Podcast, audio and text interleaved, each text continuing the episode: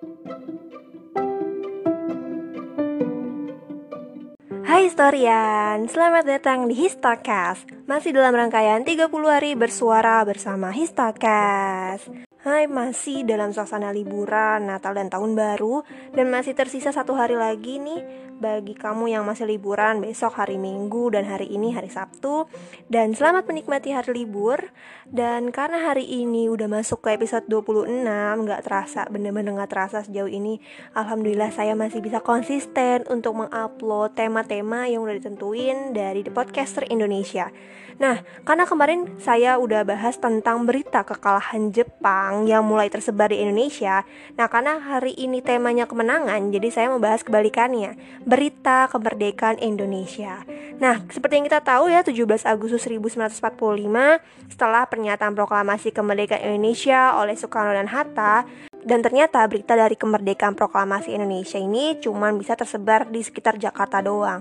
Apalagi kan waktu itu pembacaan teks proklamasi ya di sekitar depan rumah Soekarno di Jalan Pegangsaan Timur nomor 56. Dan gimana kalau wilayah-wilayah lainnya di Pulau Jawa atau mungkin di ujung Sumatera, di Kalimantan, Sulawesi atau daerah-daerah terpelosok otomatis informasi tentang kemenangan atau kemerdekaan Indonesia itu ya belum sampai pada pelosok karena ya kita tahu sendiri ya bahwa komunikasi dan juga alat media massa pada saat itu masih terbatas.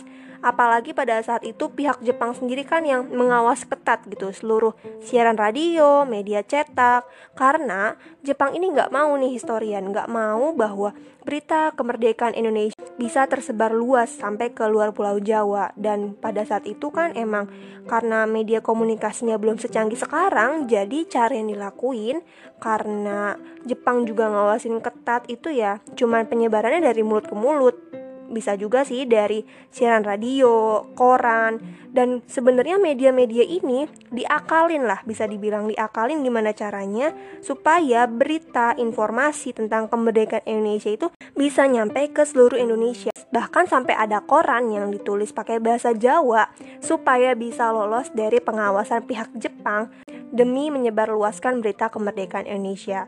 Dan pada saat itu kalau ngomongin media cetak, ya udah pasti koran karena zaman dulu belum ada sosial media. Dan koran ini sebenarnya salah satu media juga yang bisa menyebarluaskan selain radio. Kalau dari koran sendiri atau media cetak ada dulu penerbitnya namanya Cahaya Asia. Cahaya Asia ini penerbitnya itu dari Surabaya, terus juga ada media cetak Cahaya yang pusatnya ini di Bandung dan pada saat itu satu hari setelah kabar proklamasi, nah mulai deh beberapa tokoh ini kayak Sultan Syahir, jurnalis BM Dia, nah ini mencoba membantu untuk meneruskan informasi tentang kemerdekaan Indonesia dengan memperbanyak salinan-salinan isi proklamasi. Tapi nih uniknya historian, selain dari media cetak ya, tadi saya juga udah bilang bahwa Cahaya Asia yang media cetaknya itu berpusat di Surabaya, ternyata satu hari setelahnya yaitu 18 Agustus udah mulai menyiarkan dan juga menyebar berita-berita proklamasi Indonesia. Tapi uniknya adalah ternyata kabar kemerdekaan Indonesia sendiri di media cetak itu baru sampai pada tanggal 20 Agustus. Karena sebenarnya tanggal 20 Agustus ini media cetak ini yang berisi informasi tentang proklamasi ini sebenarnya baru diterbitin, makanya lebih duluan ada di Surabaya.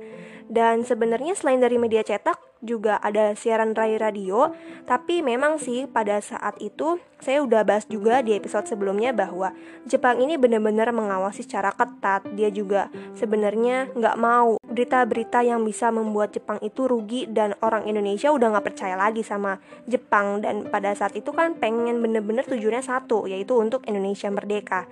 Nah, pada saat itu, siaran radio yang karena diawasi secara ketat sama Jepang nih historian, ternyata ada salah satu orang yang sempat ngambil alih siaran radio itu, yaitu namanya Muhammad Yusuf. Jadi beliau ini rela menembus kantor siaran radio yang pada saat itu dihadang sama Kempetai. Kempetai ini bisa dibilang kayak pengawas lah atau mungkin prajurit militer Jepang yang biasa patroli gitu, ngawasin gerak-gerik orang Indonesia kalau ada mencurigakan tuh pasti langsung ditangkap. Nah, pada saat itu Muhammad Yusuf ini berhasil akhirnya menyiarkan berita kemerdekaan Indonesia pada malam harinya dan dia ternyata selain pakai bahasa Indonesia juga pakai bahasa Inggris dengan harapan bahwa agar kemerdekaan Indonesia ini bisa nih sampai beritanya bisa sampai ke luar negeri. Nah, pada saat itu Muhammad Yusuf ini dia menyiarkan siaran berita kemerdekaan Indonesia di stasiun radio Hoso Kanri Kyoku. Nah, ini nanti cikal bakalnya menjadi RRI atau Radio Republik Indonesia Historian. Nah, pada malam harinya sebenarnya Radio Hyokosuku ini menyiarkan berita kemerdekaan Indonesia pakai bahasa Madura. Jadi selain pakai bahasa Inggris, pakai bahasa Indonesia, juga pakai bahasa Madura. Nah, kenapa? Karena biar orang Jepang itu nggak tahu kalau sebenarnya kita itu lagi menyiarkan, lagi menyebarluaskan tentang berita kemerdekaan Indonesia. Dan salah satunya pemilihan bahasa lokal ini yang kemudian diadopsi oleh media cetak untuk menyebar berita proklamasi kemerdekaan karena bahasa Jawa atau bahasa daerah lainnya itu dianggap sebagai bahasa yang representatif dan juga sebagai bahasa perlindungan. Nah, salah satunya nih, sorry ya, tadi saya juga udah bahas tentang media cetak. Ada juga ternyata kantor berita domain yang di Jakarta setelah pembacaan proklamasi. Nah, mulai deh informasi-informasi bahwa Indonesia udah merdeka, ini mulai cepat menyebar melalui kantor berita domain atau mungkin kalau sekarang ini namanya Antara. Nah, salah satunya yaitu ada tokoh namanya Waidan B. Pelenewan. Nah, ia merupakan bagian radio Dome yang mendapat teks proklamasi dari wartawan bernama Syahrudin. Dan akhirnya Waidan B. Pelenewan ini akhirnya mencoba untuk menyebar luaskan informasi-informasi kemerdekaan agar bisa masuk ke daerah-daerah pelosok dan bisa masuk informasinya itu bisa sampai keluar Jawa bahkan. Selain dari media massa sebenarnya tadi saya udah bilang ada media massa, ada radio. Nah, sebenarnya cara-cara itu nggak cukup nih historian untuk menyebarluaskan berita kemerdekaan Indonesia. Cara itu tuh masih kurang dan akhirnya ada banyak cara. Salah satunya nih menyebarkan pamflet melalui perwakilan daerah yang tinggal di pelosok. Nah, karena pada saat itu salah satunya nempelin pamflet isi berita kemerdekaan Indonesia nih di kereta api biar orang-orang tuh lihat bahwa Indonesia udah merdeka terus sampai nyebarin lewat udara. Jadi diturunin gitu pamflet-pamflet tentang kemerdekaan Indonesia. Bahkan sampai ada yang nyoret-nyoret tembok dengan tulisan besar bahwa Indonesia udah merdeka dan dari sinilah sebenarnya awalnya salinan isi proklamasi ini diperbanyak dulu gitu diperbanyak kemudian ditempel tuh di ruang-ruang publik. Dan akhirnya pada saat itu setelah banyak informasinya udah mulai sampai ke pelosok bahkan kabar dari proklamasi sendiri udah nyampe nih.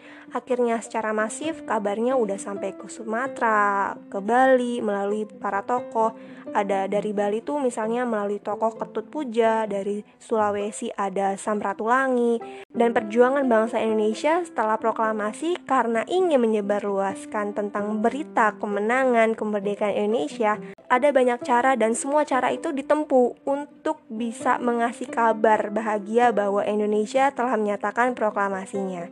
Terima kasih telah mendengarkan Histokes pada episode hari ini. Sampai jumpa.